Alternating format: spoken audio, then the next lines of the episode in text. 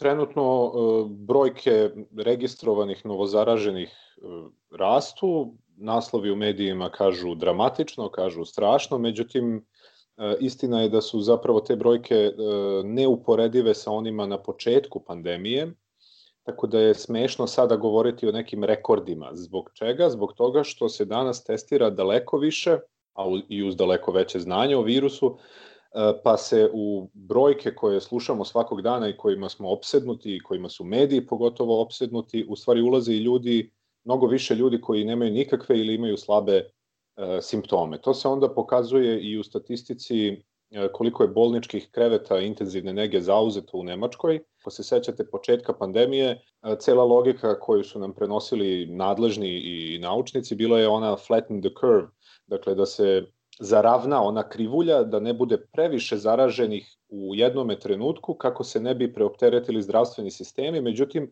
o tome u Nemačkoj nije bilo govora ni na početku, a pogotovo ne sada, jer Nemačka prednjači u, u celoj Evropi, a možda i u svetu, e, po broju kreveta intenzivne nege, samo 20.000 njih je samo za COVID spremno u svakom trenutku ili može da se brzo e, priredi. Bolnice kažu da dočekuju ovaj drugi takozvani talas mnogo spremnije, nema ne manjka opreme, a sa druge strane građanstvo koje je izloženo stalnoj psihozi i stalnim apokaliptičnim porukama, evo već sedam meseci, e, je koliko ja već vidim počelo ponovo da kupuje toalet papir, sredstva za dezinfekciju e, i slično. Nemci imaju odličan izraz e, hamstern, od hamster hrčak, dakle da hrčkuju, da stvaraju zalihe, iako se prošli put pokazalo da je to potpuno besmisleno, da nije došlo do, ni do kakvih nestašica, da su prodavnice sve vreme radile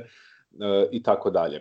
E, Nemačka je na neki način poput Španije decentralizovana zemlja, za razliku ne znam od Srbije ili od nas ovde u Velikoj Britaniji, e, gde po prvi put sada imamo probleme između lokalnih vlasti i centralnih vlasti, zato što se e, nameće pokušaj, nameću se lokalne mere, a ne centralizovane.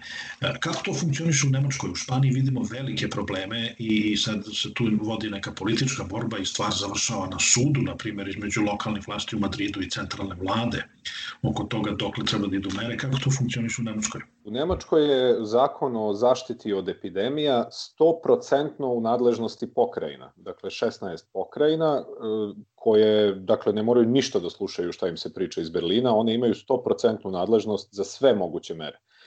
Prema tome, građanima je jedino bitno ono šta njihova pokrajina donese ili primeni od onoga što se možda dogovara ili preporučuje iz Berlina, dok e, određene nadležnosti imaju i same lokalne samouprave, gradovi i opštine. E, mnogo je u Nemačkoj povika na to e, što su različite mere u različitim pokrajinama. Kažu da to ljude zbunjuje, da su poruke protivrečne. Ja se samo donekle slažem, naime, recimo, mene ne zanima šta je u Rheinland-Pfalzu, mene zanima samo šta je u Severnoj Rajni-Vestfaliji gde ja živim. Osim, naravno, ako ne putujem nekuda ili ne idem e, negde nekim poslom. Istina, e, teško je shvatljivo e, da i tamo gde se radi o stvarima koje bi trebalo da budu medicinske prirode, dakle da nemaju veze sa političkim ili ekonomskim odlukama, što se pokrajine razilaze. Pa, na primer, vi ste imali ovde kod nas na zapadu Nemačke pravilo da u školama maska mora da se nosi kada deca ne sede na svome mestu u školi, dakle svuda svim drugim mestima u školi i dvorištu mora da se nosi, a u nekim pokrajinama ste imali baš obrnuto. Napolju ne mora da se nosi i kad se deca kreću ne mora, a mora kada sede u učionici. Dakle, to, to su nelogične stvari jer samo jedno od ta dva može biti tačno, a možda ni jedno nije uh, najbolja mera. Tako da se između ostalog jedna od mana tog, tog federalizma pokazala u tom što su određeni političari krenuli uh, da se međusobno nadmeću merama, E, krenuli su u trku u oštrini i prednjačio je i dalje prednjači bavarski premijer Markus Zeder. On je na čelu Hrišćansko-socijalne unije e, Bavarske, koja je deo šire unije sa strankom Angele Merkel, Hrišćansko-demokratskom unijom Nemačke. E, I na moje ha, ne malo iznenađenje, Markus Zeder je zagovaranjem čvrste ruke, najoštrijih mera i tako dalje postao omiljeni političar u Nemačkoj i čovek kojem predviđaju da će biti idući nemački kancelar. Pri tome Bavarska uopšte nije prošla sjajno i recimo u poređenju sa istočnim pokrajinama Nemačke, onim pokrajinama koje su ranije bile deo DDR-a, istočne Nemačke, Bavarska jako loše stoji što se tiče brojke. Međutim, to njegovo zagovaranje čvrste ruke očigledno oduševljava ljude, a mene to pravo da vam kažem plaši, jer navodno veoma prosvećeni Nemci e, takođe u vreme krize žude za ocem, kako je to napisao magazin Spiegel. Dakle, želja za tatom postaje jaka kada, je, kada se neka stvarna ili navodna e, opasnost javlja. Sa druge strane, premijer pokrajine u kojoj živim iz iste, iz iste političke opcije, Armin Laschet, on je na početku bio protiv oštrih mera, govorio o spašavanju privrede i tako dalje, ali i on se sad e, uklopio u tu sliku gde svi zagovaraju sve strožije mere. Vi ste u Bonu, kakve su tamo mere na snazi trenutno? Bon je prekoračio tu granicu koju su odredile nemačke vlasti. Ona je postavljena na 50 novih zaraza na 100.000 stanovnika u poslednjih 7 dana. I Bon je tu incidenciju prekoračio kao i najveći deo ove pokrajine i kao ja mislim otprilike polovina lokalnih samouprava u Nemačkoj. E, u tom slučaju, tako je dogovoreno, osim što se uvodi i uvedena je proširena obaveza nošenja maske, to znači ne samo u prodavnicama, autobusima i slično, već i na kako oni kažu, prometnim ulicama, to su uglavnom trgovi, pešačke zone i tako dalje, tu sad svuda treba da se nosi maska, čak je to i obeleženo. Osim toga, okupljanja ljudi su e, restriktivna, tako da može da se okupi, čini mi se, najviše 10 osoba bez obzira da li je javni prostor ili privatni prostor, e, s tim da što se tiče privatnih okupljanja koja su e, označena kao glavni krivac za, prenošenje, za, za ovaj novi talas zaraze, je to praktično nemoguće kontrolisati. Ja ne znam da je policija ili bilo ko e, se usudio da upada nekome u stan jer se okupilo, ne znam, 11 ljudi umesto 10.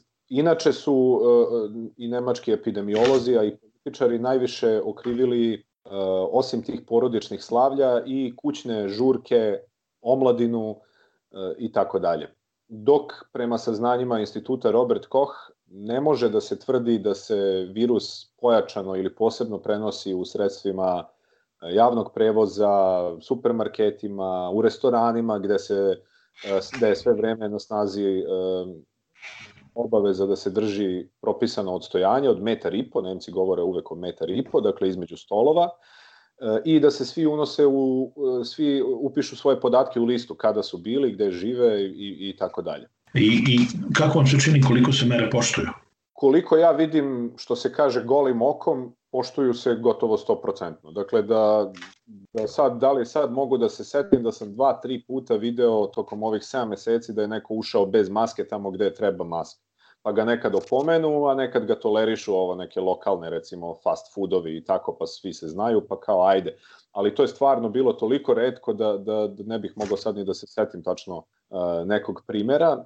Što se tiče okruženja, ljudi koje poznajem, uh, u većoj meri se oni još i više plaše nego što im vlasti sugerišu da se plaše, pa se tako izbegavaju susreti, čak i kad su oni dozvoljeni, e, posete. Recimo, tokom onog prvog lockdowna e, niko se nije javljao, recimo, od roditelja koje znamo da se deca igraju i tako dalje. Ljudi su bili dosta u strahu, e, ali ima i mnogo onih koje znam i koji misle da su mere potpuno preterane. To ide naravno sve do zaumnih teorija da virus uopšte ne postoji, da je on izmišljotina i tako dalje. E, međutim, jedan dobar broj ljudi misli da su mere preterane i da je u toku, kako je to rekao e, politikolog e, Wolfgang Merkel, se zove čovek, on je rekao da je to populizam straha i da političari preteruju sa apokaliptičnim najavama koje vode tome da ljudi praktično oguglaju i, i da ako ne daj Bože bude stvarno stani pani i neka stvarno teška situacija, da onda ljudi više neće ozbiljno shvatati te apele. Znači, onaj stereotip o Nemcima kao disciplinovanim građanima ovde praktično drži vodu. Ovde se održava, mere se uglavnom poštuju. Tako je, s tim što kad biste vi čitali nemačke medije, mogli biste da steknete suprotan utisak, ali i po anketama ljudi podržavaju mere i nema toliko prekršaja. Na početku je bilo probuđen je denuncijant u vrlom nemačkom građaninu, dakle onaj koji prijavljuje komšiju kad ne znam šta ili kad vidi nekog bez maske ili kad vidi da se neko kreće gde ne treba, on onda uzme pa prijavi lepo policiji. To se uh, proredilo, u velikoj meri su se ljudi navikli na ovo što se zove nova normalnost, ja bih rekao nova nenormalnost, I osim ako ne radite slučajno u nekoj od branši koje su stvarno teško pogođene, poput turističke, poput organizacije sajmova, futbolskih utakmica i tako dalje, život ide manje više normalno, više smo i češće u takozvanom home office-u, kažem takozvanom jer to ovde još nije regulisano zakonom, Naime, poslodavci više vole da govore o mobilnom radu, pa jer razlika između mobilnog rada i home office je u tome što u home office-u poslodavac mora da ti obezbedi radno mesto kod kuće, a u mobilnom radu, kakav je uglavnom u Nemačkoj, ti se druže sam snađi. Da li ćeš da sediš na veš mašini i da kucaš na svom starom laptopu ili šta ćeš, to poslodavca ne zanima i to još uvek e, nije regulisano zakonom. Ministar rada je probao, Hubertus Heil iz socijaldemokratske partije je probao to da reguliše tako što je hteo, predložio da budu uh, kod svakog poslodavca gde je to moguće dva dana mesečno svega obavezna da se omoguće kao home office ukoliko ljudi to žele. Međutim, taj je predlog sahranjen, demohrišćani su odbili takav predlog, rekli su da to ne treba da se radi, da je to mešanje u rad poslodavaca i tako dalje. Ovde u Britaniji, valjda zato što smo generalno kao nacija istraumirani brojem smrtnih slučajeva iz prvog talasa, e, istraživanja pokazuju da skoro tri četvrtine stanovnika smatra da aktuelne mere nisu dovoljne i, i očekuju od vlade strožije e, karantinske mere. Kakva je situacija kod vas?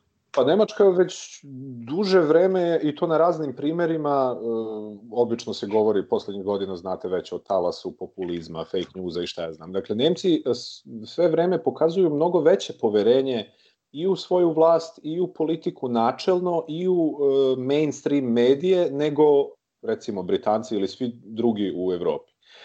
Tako je i sada. Posle početnog talasa, kada je takođe bilo više zahteva za oštrijim merama, e, sada su uglavnom ankete takve da čini mi se oko 60-70% ljudi traži e, podržava sasvim ove mere vlasti, e, a ostatak je podeljen na one koji bi još strože mere i one koji misle da su ove mere preterane. Ta podrška je naravno zgodna za, za, za političare s tim da oni će u jednom trenutku morati da podvuku crtu i da, kako da kažem, plate cenu ukoliko su grešili uz toliku podršku javnosti. Za mene je poenta prosta. Ti smeš kao političar da ograničiš slobode ljudi onoliko koliko treba da bi se borilo protiv opasnog virusa. Ako previše ograničiš, ti si u krivu. Isto tako i ako premalo ograničiš pa neko strada e, nepotrebno. Dakle, jeste to težak posao, ali političare niko nije terao da se bavi tim poslom.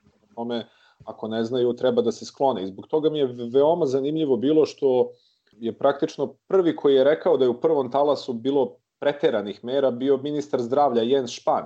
Nemate u, u ozbiljnim medijima kritika ozbiljnih na račun e, politike, e, dok se oni sami ne pospu pepelom, jer vide da sve veći broj ljudi misli da su mere preterane i onda taj sve veći broj ljudi može biti oteran u ruke ovim, kako ih mediji zovu, teoretičarima zavere. Ja mislim da to glup pojam jer ocrenjuje ljude i trpa ih u isti koš, a tamo ima baš raznih, dakle od onih koji misle da ne znam, da su Amerikanci podmetnuli virus, a on neki drugi misle da su Kinezi, a neki treći misle da su ljudi gušteri, a onda među njima normalno i ljudi koji misle da ne, na virusa i opasan je, samo dajte ljudi da se uzmemo u pamet, ne možemo ovako da živimo e, godinama. To je interesantno da, e, ako se ja ne varam, možda ne računajući one zaludne Amerikance po Midwestu, da je u suštini i e, s jedne strane imamo odličan, odličnu reakciju vlasti u Nemačkoj da kontroliše pandemiju, a s druge strane Nemačka, odnosno Berlin pre svega, je na neki način epicentar ovih antikorona e,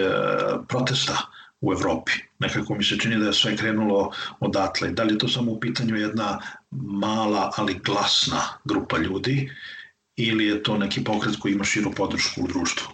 To ne može nikako da se nazove pokretom, iz prostog razloga koji sam vam već rekao, dakle, od levičara do desničara, od običnih unezverenih građana, uplašenih e, za svoju slobodu i tako dalje, do ljudi koji, koji veruju u razne budalaštine. To je E, toliko heterogeno da ne može nikako da se nazove pokretom. Jedan od razloga što je to, kako ste rekli, epicentar protesta e, u Berlinu ili u Nemačkoj, e, jeste što ovde pravosuđe i dalje radi. I ono je u nekoliko navrata odbacivalo zabrane koje su donosile lokalne vlasti, zabrane okupljanja, posebno kada se radi o političkim protestima. Dakle, sloboda izražavanja mišljenja morala je ostati sve vreme na snazi, oni koji organizuju proteste bi trebalo da se staraju o tome da se tamo drži odstojanje ili nose maske ili šta već, ali uh, zabraniti proteste to u Nemačkoj nije tako jednostavno. Pravosuđe osim toga stalno podsjeća politiku da ne sme da pređe neke granice, Pa je tako u Berlinu sud, upravni sud e, odbacio meru koju je donela lokalna vlast da kafići moraju da se zatvaraju i restorani u 23 sata, jer sud smatra da nema dovoljnih dokaza da to ikako pomaže u, u ovom slučaju. A isto je tako bilo, kažem, i sa tim e, političkim slobodama. Osim toga, Nemačka je kako da kažem, šarena zemlja, zemlja u kojoj e, se već dugo, a to se vidi po usponu alternative za Nemačku, veliki broj ljudi ne osjeća predstavljen takozvanim etabliranim e, partijama, e, a sada to, to je isto veoma zanimljivo, dok se ta desničarska alternativa za Nemačku zabavlja unutar stranačkim borbama, naime između radikalno desnog, agresivnog, moglo bi se reći, neonacističkog krila i ovog umerenog krila koje bi više da se bavi liberalnom ek ekonomijom i tako dalje, e, vi vidite kako tada alternativa za Nemačku gubi birače. To znači e, dobar deo tih birača nisu e, ludaci i neonacisti koji biraju alternativu za Nemačku da bi neko pucao na, ne znam, migrante, nego su ljudi koji se prosto ne osjećaju predstavljenim od strane etabliranih partija i traže neki svoj dom. Traže svoj dom i u smislu medija, medija koje prate, ovde su veoma razvijeni alternativni mediji i očito mogu da prežive, dobijaju donacije svojih čitalaca, slušalaca, gledalaca e, i traže način da izraze svoje mišljenje i e, sve češće to rade čak i onda kada su ocrnjeni od strane politike i mainstream medija.